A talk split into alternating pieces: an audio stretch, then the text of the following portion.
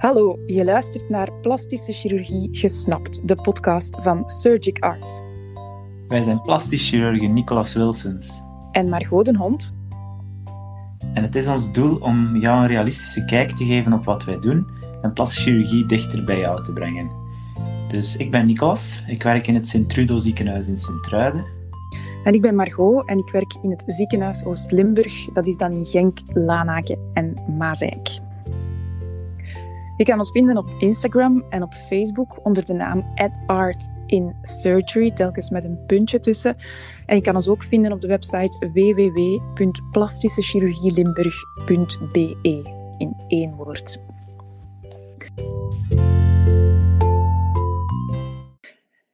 Vandaag gaan we praten over een heel leuk thema, vinden wij zelf. We gaan het hebben over een bovenste ooglidcorrectie.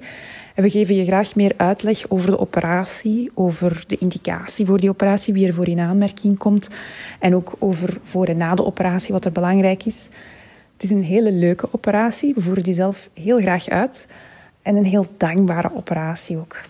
Het is waar dat we die ingreep voornamelijk bij vrouwen uitvoeren, maar, maar zeker niet alleen maar bij vrouwen, ook bij mannen. En ik denk dat voor hen misschien de drempel nog, nog veel groter is. Ja, het blijft plastische chirurgie. Maar tegelijkertijd wordt dat ook wel gefaciliteerd door bijvoorbeeld bekende Vlamingen um, die, die die operatie ondergaan. Overlaatst heeft Gert Verhulst een bovenste ooglidcorrectie laten uitvoeren, bijvoorbeeld. En ja, dan merken we wel op de raadpleging dat, dat de mensen zeggen van ja, die operatie. Danny Verstraten heeft een aantal jaar geleden ook die operatie laten uitvoeren. En, en ja, we merken als daar open over wordt gesproken, dat dat toch een zeker een drempel verlaagt. Ik vind het heel goed dat, dat mensen uh, in de media daar ook gewoon vooruitkomen dat ze hebben ondergaan. Er is ook niks om je over te schamen natuurlijk. dus we doen die ingreep zo, zowel bij vrouwen als bij mannen. Dat kan, dat kan ja, bij alle leeftijden zijn. Natuurlijk, meestal is dat op basis van, van laxiteit van de huid. En het is logisch dat, dat, dat die laxiteit groter is naarmate dat je leeftijd toeneemt. Dus de laxiteit bij een 50-jarige zal hoger zijn dan iemand van 20 jaar. Dus het is ook logisch dat je die ingreep meer uitvoert bij, bij dames of heren van 50 dan bij het van 20 natuurlijk. Wanneer kan je die beslissing nemen om, om die ingreep te laten uitvoeren? Dus enerzijds is er natuurlijk het, het esthetische aspect, hoe je oogleden eruit zien. En vaak komen mensen met de vraag om er iets frisser uit te zien, iets jonger uit te zien. Dat het te veel aan huid dat daar zit en dat maar niet weggaat um, om, om dat op te lossen. Vaak komt daarbij dat, dat te veel aan huid. Een ooglid is heel, die huid is heel dun en dat, dat zwelt gemakkelijk. En gedurende de dag kan dat dan vaak wat meer zwellen, waardoor dat, de, dat er de klachten eigenlijk toenemen um, naar de avond toe. En hoe meer dat, dat zwelt, hoe meer dat, dat begint te wegen op het ooglid. En dat oog, uw, uw oog heeft dan heel veel moeite om, om dat ooglid tegen dat gewicht van dat vocht en die huid omhoog te blijven houden. En mensen klagen dan heel typisch van, van vermoeide ogen. Niet alleen wat, wat ze zien, hè, dus ze zien ook echt dat, dat, dat die oogleden wat lager staan, dat die echt gewoon ja, onder het gewicht van die huid moeten werken, maar, maar ook gewoon het gevoel voor de patiënt, dat die ogen moe zijn van heel de dag het gewicht van die huid en dat vocht omhoog te blijven houden. Dus dat is eigenlijk de, de meest voorkomende vraag, althans in mijn ervaring. Ik weet niet of jij daar nog iets aan toe wil voegen. Nee, inderdaad. En, en dikwijls gaan mensen compenseren. Zie je dat zij hun, hun voorhoofdspier, eh, de frontale spier, gaan optrekken, dus hun wenkbrauwen gaan optrekken, om te compenseren voor die zware oogleden. Omdat het zodanig ja, drukt en, en vermoeiend is, dat ze continu met een, een frons eh, of, een, of een, ja, een optrekken van de wenkbrauwen gaan lopen, om daar te compenseren voor die oogleden die afhangen. Ik denk de meest voorkomende vraag die we krijgen, is van ja, maar ik, mijn ogen zijn zo vermoeid, um, daar moet toch terugbetaling voor zijn voor zo'n ingreep. De wetgever heeft daar inderdaad een, een terugbetaling voor voorzien, maar aan heel, heel strikte voorwaarden. Wat, wat ook ergens logisch is, want in, ik denk voor, voor de overgrote meerderheid van, van de patiënten is, is dit een esthetische ingreep. En de voorwaarde die de, die de wetgever heeft, heeft opgenomen in, in de wet is dat er eerst en vooral een meting moet gebeuren door, door een oftalmoloog met, met speciale apparatuur, waar ook echt moet, uit moet blijken dat het gezichtsveld minder is. Dus dat is één. Er moeten foto's genomen worden, zodat de adviserend geneesheer van het ziekenfonds ook effectief kan, kan nagaan dat, dat dat te veel aan huid er is en dat dat te veel aan huid ook effectief voor de ogen hangt en zo het, het zicht belemmert. En waar hij vooral naar gaat kijken, is dat die huidplooi eigenlijk op de wimpers rust en dat dat een zodanig gewicht is voor die wimpers dat die daardoor afzakken. En dat is iets wat dat toch niet, dat we merken dat toch niet zo dikwijls het geval is. Het is inderdaad de grote meerderheid is een esthetische ingreep eerder dan reconstructief. Dat wil niet zeggen dat we die ingreep niet uh, heel frequent uitvoeren. Er is heel veel vraag naar. Het is een ingreep die we kunnen uitvoeren onder lokale verdoving. Dat betekent dat je wakker bent, dat je alert bent, uh, dat je een spuitje krijgt op de plek, op de bovenste oogleden, daar waar we gaan snijden, waar we gaan opereren. En dat is het geval wanneer we een zuivere bovenste ooglidcorrectie doen. Dus als die correctie niet gecombineerd is met andere, met andere ingrepen, zoals een onderste ooglidcorrectie of een facelift of een lipofilling, dan kan dat perfect onder lokale verdoving. De ingreep die duurt een half uurtje tot drie kwartier. En um, er wordt eigenlijk een, een, stukje huid weggenomen van het bovenste ooglid, dat wat er te veel is aan huid, en zodanig dat je je oog wel nog kan sluiten. Soms komt het voor dat je vlak na de operatie jouw oog nog niet volledig kan sluiten. Maar in tegenstelling tot een onderste ooglid weten we, de zwaartekracht staat aan onze kant en oogsluiting is mogelijk. Um, in tegenstelling tot een onderste ooglid, waar we dat toch wel als een heel belangrijke complicatie zien en waar dat we ook heel conservatief moeten zijn om zeker niet te veel huid weg te nemen. Bij zo'n bovenste ooglid is het ook vaak nadien door, door de plakkertjes die wij erop hangen, dat het allemaal een beetje strak staat. En vaak zien we inderdaad als de plakkertjes eraf gaan uh, na één week, um, dat, dat, dat, het, dat het oog wel volledig kan sluiten. Dus zeker niets om je zorgen over te maken. Ja, klopt. Belangrijk voordat we overgaan tot een bovenste ooglidcorrectie is om de juiste indicatie te stellen. Als wij iemand op de raadpleging zien die de vraag stelt, ik wil een bovenste ooglidcorrectie, dan moeten we eerst nagaan of dat het daadwerkelijk een overschot is van huid ten opzichte ter hoogte van de bovenste oogleden, dat er daar te veel is, of dat het niet eerder gaat om afhangende wenkbrauwen, wat dan secundair kan veroorzaken dat het het idee kan geven dat er een huidoverschot is aan het bovenste ooglid. In eerste instantie is het belangrijk om de wenkbrauwen op de juiste hoogte te brengen. En bij sommige patiënten is er dan ook eerder een wenkbrauwlift nodig dan een bovenste ooglidcorrectie. Wat we ook moeten nagaan, is dat de spier die ervoor zorgt dat je je bovenste ooglid kan heffen, de levatorspier, dat die intact is. Dat kan een, een, ehm, als die spier niet werkt, kan verschillende oorzaken zijn. Meestal is dat ten gevolge van veroudering. Soms is dat ook ten gevolge van een trauma of een aangeboren afwijking. Maar als we tijdens de consultatie merken dat die spier onvoldoende of niet werkt, dan is er soms een correctie nodig van die spier, een ptosecorrectie. En dat gaat ook over een andere ingreep dan een bovenste ooglidcorrectie. Nog een belangrijke is om tijdens de consultatie na te gaan dat er een huidoverschot is of dat er ook een ondervulling is van bovenste ooglid. Want wat ook een typisch kenmerk is van ouder worden, is niet alleen dat de rek uit de huid gaat of dat er, dat er een relatief huidoverschot is, maar ook dat we volume verliezen. Volume dat kan zijn van bot, van vetweefsel. En, en dan merk je dat er een soort van uitholling ontstaat aan de bovenste oogleden, meestal aan de binnenkant. Um, tegen het bot, doordat enerzijds het vetweefsel, anderzijds het bot terugtrekt met de leeftijd, dat dat een heel uitgehold aspect geeft. En als je dan enkel een bovenste ooglidcorrectie gaat doen zonder dat volume te herstellen, dan gaat na die operatie gaat dan misschien minder dat verjongend effect geven. En, en het is pas door ook een, een jeugdig ooglid wordt ook gekenmerkt door een, een vulling van het bovenste ooglid, daar aan die rand van de oogkas. En soms is er bijkomend een lipofilling nodig. Tijdens zo'n uh, operatie nemen we dus huid weg. In sommige gevallen wordt er ook een deel van de spier weggenomen, de, de kringspier die rond het oog loopt, om jouw oog bewust en onbewust te sluiten.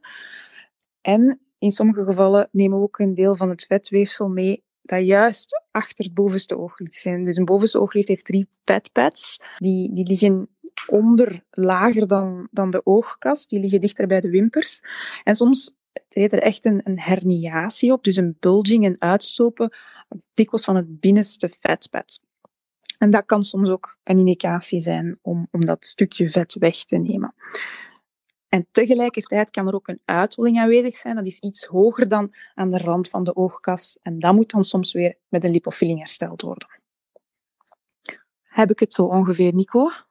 Ja, ik denk het wel. Voor even duidelijk te maken aan, aan de mensen die luisteren. Het is, het is inderdaad meer dan alleen maar een schilletje huid wegnemen. We, weten ook dat er heel veel mensen die ingreep doen, die ingreep uitvoeren, niet altijd pas chirurgen. En op zich maakt dat ons niet zo heel veel uit. Ehm, maar zie wel, als je iemand kiest om die te laten uitvoeren, dat hij wel de volledige analyse goed kan uitvoeren. En dat hij wel het, het hele oog en, en de hele regio rond het oog kan behandelen. En niet gewoon het schelletje huid wegsnijdt. En als, als dat voor jou misschien niet de juiste oplossing was, misschien was er voor jou iets veel belangrijker, uh, dat moest behandeld worden of tegelijk behandeld worden of in de plaats van behandeld worden. Dus daar moet je wel mee opletten. En dan misschien ook nog zeggen, het littekentje, want dat vragen de mensen ook altijd natuurlijk. Het ligt in je aangezicht, dus mensen zijn daar heel ongerust over. Nu, dat oog heeft al heel je leven op- en neerbogen, of het, oog, het ooglid tenminste. En, en dat, heeft, dat heeft zich um, gemanifesteerd in een plooi die daar ligt. En het is eigenlijk diezelfde plooi die wij gebruiken om ons littekenen te verbergen. Soms moeten we naar de zijkant ook uitwijken en dan, dan proberen we het in een, in een van de kraaienpootjes te leggen. En ik moet zeggen, over het algemeen, die littekens die genezen supergoed. Sommige mensen die komen na een week op de consultatie en dan ja, dan zie je soms al bijna niet dat er iets gebeurd is. Het geneest echt vaak super, super goed. En dat littekentje, wat je zei, dat ligt inderdaad in die plooi. En die plooi, dat is eigenlijk een, uh, de aanhechting van dat spiertje dat ik daar straks zei, die levatorspier, om het ooglid te heffen, dat op de huid, aan de binnenkant aan de huid gaat trekken en daar een plooi vormt. En dat is wat dat ons oog onderscheidt van een Aziatisch oog. En wat dat, als je een Aziatische ooglidcorrectie gaat doen, wat dan de typische vraag is, is om zo'n plooi te maken. Omdat als je daarop let, Aziatische mensen hebben die plooi niet. Die hebben niet die aanhechting van dat spiertje aan de huid. En dat is waar dat wij ons litteken dan, dan zo mooi in kunnen, in kunnen plaatsen. Dat is trouwens een heel populaire ingreep in Azië. Toen we nog in Australië waren, eh, waar, waar heel veel mensen uit Azië waren, um, was dat een heel vaak gestelde vraag. Ja, ja, inderdaad. Um, het is natuurlijk wel een operatie. Het blijft een operatie, dus het is niet alleen maar een goed nieuwsshow. Er kan ook wel iets misgaan. Um, aan de oogleden, de reden dat die zo goed genezen, um, is, is omdat er daar in het gezicht heel veel bloed doorstroomt. En dat wil ook zeggen dat als er daar een stolseltje of een klondertje loskomt na de operatie, dat dat wel eens kan zijn dat dat een bloeding veroorzaakt. En bijna iedereen heeft blauwe ogen na die operatie. In, in, meer of mindere mate. Dat duurt dan één of twee weken en dan, uh, dan verdwijnt dat wel. Dat zakt dan meestal af naar de wangen, dat verkleurt naar geel en groen en dan uiteindelijk, uh, uiteindelijk verdwijnt dat. Daar maken we ons eigenlijk niet zo heel veel zorgen over. Waar we ons dan wel zorgen over maken en wat we ook altijd goed uitleggen bij die ingreep, is um, dat niet zozeer een blauwe plek, maar echt bloed onder de wonden kan komen. Dat zie je direct. Dan staat je oog plots aan één kant drie keer zo dik als aan de andere. De wonden beginnen te sijpelen. Je hebt veel meer pijn. En in het ergste geval kan dat ook naar de diepte gaan. Wat Margot daarnet uitlegde, als er aan, aan de binnenkant van je oog, als er daar een beetje vet moet worden weggenomen, dan kan zijn dat in die regio wat nabloedt en dan kan dat naar de diepte gaan en dan kan dat ook je zicht verstoren. Dus als je die, die ingreep laat uitvoeren, wij drukken daar altijd op, als je zo'n symptomen hebt, dan moet je ons direct contacteren. Dat is gelukkig allemaal heel zeldzaam, hè, maar, maar wij hebben de neiging van toch, ja, je, je kan niet akkoord gaan met zo'n ingreep als je niet alles daarvan weet. En bij alles hoort ook gewoon het, het rampscenario. Dan moet je gewoon goed weten dat je, als het, als het zou optreden, als jij nu net die ongelukkige bent, dat je tenminste weet wat je moet doen en dat je ook weet dat wij er zijn om dat voor jou op te lossen. Maar dat is wel belangrijk. Iets minder is dat dat in het begin gaat trekken. Zoals ik al zei, er zitten ook wat pleistertjes over, dus die trekken ook al. Dat is even een onaangenaam gevoel. Maar eens dat die eraf zijn, uh, één week, twee weken later voelt je, voelt je daar al bijna niks meer van. Dus dat valt, dat valt op zich eigenlijk allemaal heel goed mee. Wat is belangrijk? Wat vinden wij belangrijk voordat we starten met die operatie? In de eerste plaats is dat dat je niet rookt. Dat is iets algemeen. Dat gaan we vragen voor elke operatie. Dat geldt altijd van het moment dat je een wonde maakt en je litteken maakt. Wondheling en roken, dat is een heel slechte combinatie. Als de operatie onder lokale verdoving doorgaat, dan hoef je niet nuchter te zijn. Dat betekent dat je gewoon mag eten en mag drinken. Je komt binnen op het ogenblik van de operatie. En je mag na de operatie, dan blijf je nog, nog een kwartiertje na. Dan wordt er ijs op jouw oogleden gelegd. En dan mag je terug vertrekken, dan mag je richting huis gaan. Het is wel belangrijk dat je niet zelf met de auto rijdt op dat ogenblik, want uiteraard, dat is niet veilig. Ja, ik wil daar misschien nog aan toevoegen.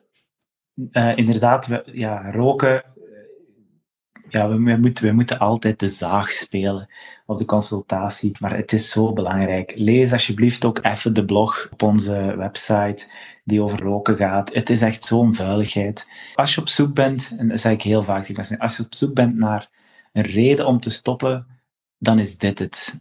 Dan moet je echt niet langer zoeken als je op geopereerd moet worden, dat is uw reden. Inderdaad. En wat ik daar nog aan wil toevoegen, als je een oogoperatie hebt gehad, zoals laserchirurgie of een operatie voor cataract, dat je minstens zes maanden dient te wachten voordat je op een veilige manier een ooglidcorrectie kan ondergaan. Dus het is heel belangrijk om dit aan ons te melden als je recent een oogoperatie hebt gehad of als je binnenkort een oogoperatie gaat hebben. Het is ook belangrijk om ons te melden als je een aandoening hebt van de schildklier, omdat dat een effect kan hebben op de positie van de oogbol en ook of dat je al dan niet droge ogen hebt. Inderdaad. En om een beetje een beeld te geven van na de operatie, als je het ziekenhuis verlaat, dan, dan heb je stereostripjes op, op je ogen. Dus dat wil zeggen kleine dunne plakkertjes die eigenlijk over de, over de hechting liggen. En vaak is dat ook de manier waarop dat we de draadjes bevestigen. Dus in de draadjes liggen vaak geen knoopjes en hangen die enkel vast met de, uh, met de stereostripjes, met die plakkertjes. Dus we, leggen ook altijd de nadruk op, bij de mensen van alsjeblieft, als dat loskomt, plak er eentje over. Probeer het niet los te trekken, want soms heb je dan gewoon het draadje vast. Maar nee, daar, hoor je wel allemaal, moest je beslissen om die ingreep te laten uitvoeren.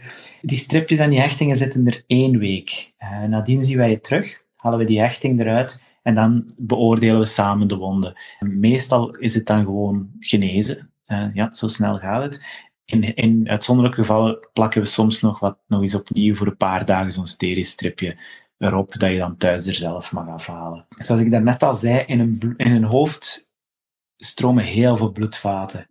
En als die, die druk van die, in die bloedvaten hoger wordt, dan neemt het de kans toe dat er een bloeding komt. En dat, moet je dus zien te vermijden. Dus waarmee kan je dat doen? Ja, niet vooroverbuigen, niet bukken, niet sporten, dus niet gaan joggen en zo, want dan gaat het bloed sowieso allemaal veel sneller in je lichaam stromen. Probeer te slapen op een extra kussen. Ook in de zetel niet, niet helemaal plat liggen, maar liefst met een extra kussentje, het, hoofd wat hoger. Uh, een beetje koude leggen. Koude helpt omdat de bloedvaatjes dan wat gaan krimpen en dus minder vocht in, onder de huid kan, uh, kan verspreiden.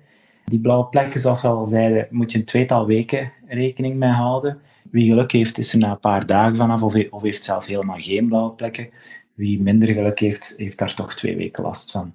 Um, de zwelling kan soms iets langer duren, maar ook die verdwijnt. Klopt. Je plant die operatie eigenlijk best in een periode dat je weet van oké, één à twee weken. Ik hoef niet te veel onder de mensen te komen, tenzij dat het jou niet stoort uiteraard. Maar anders dat je weet van ik kan het even rustig aandoen. En um, omdat je ook met die blauwe plekken zit, omdat je toch even die herstelperiode door moet, dat je daar rekening mee houdt. En als je buiten komt met een grote zonnebril, dan ga je vrij goed die blauwe plekken kunnen verbergen. Je gaat merken dat in de loop van de volgende dagen na de operatie, dat die blauwe plekken die gaan stilaan afzakken naar de wang en die gaan alle kleuren krijgen. En na een tweetal weken zoiets, dan gaan die verdwenen zijn. De huid rond onze oogleden, dat is zo wat de dunste huid in ons lichaam en dus die zwelt heel gemakkelijk. Je mag ook gedurende een week geen lenzen dragen. En soms gaan we ook oogdruppels volschrijven na de operatie. Zeker als je al voorbeschikt was voor droge ogen, of, of eigenlijk voor tranende ogen, want dat is eigenlijk een manifestatie van droge ogen, dan dient dat om die film over de oogbol te herstellen en met die druppels het oog te kunnen beschermen. Wij opereren niet aan het oog zelf. Dus een bovenste ooglidcorrectie gaat enkel de huid manipuleren, maar niet de oogbol zelf. Maar het is wel door de hele beweging die daarbij komt kijken, dat dat er wel voor kan zorgen dat het oog wat geïrriteerd is. En ook het feit dat je soms na de operatie het oog moeilijk kan sluiten door de aanwezigheid van de hechtingen van, de, van het verband, kan dat die irritatie alleen maar verder in de hand werken en, en bijdragen tot een tranend oog. Maar dat is van voorbijgaande aard. Uh, zeker als de hechtingen worden verwijderd na een week, als de stereostrips weg zijn, dan ga je merken dat die oogsluiting ook weer veel vlotter gaat verlopen. Op het littekentje, eens dat de korstjes weg zijn, is belangrijk dat je goed smeert. Uh, niet alleen hydraterende crème, maar ook als absoluut een zonnefactor 50 erin. Er bestaan van die handige sticks die je kan gebruiken om op je oogleden te, te wrijven. Dus dat is hydrateren en daar zit een zonfactor in.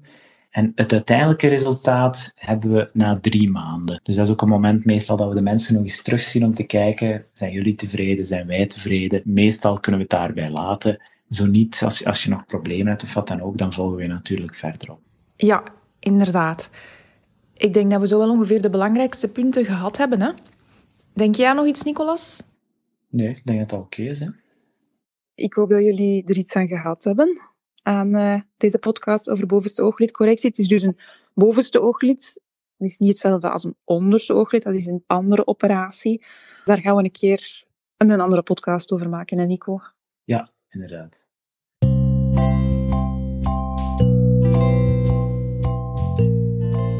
Laat ons alsjeblieft weten wat je ervan vond. Zo weten we of dat we goed bezig zijn, of dat, of dat dit concept voor jullie leuk is, of dat jullie liever iets anders zien. We staan open voor suggesties. Dankjewel om te luisteren, van mij ook. En we horen jou graag op onze volgende podcastaflevering. Dit was Plaschirurgie Gesnapt, de podcast van Surgicard. Tot de volgende keer. Tot de volgende keer. Dankjewel voor het luisteren. Dag.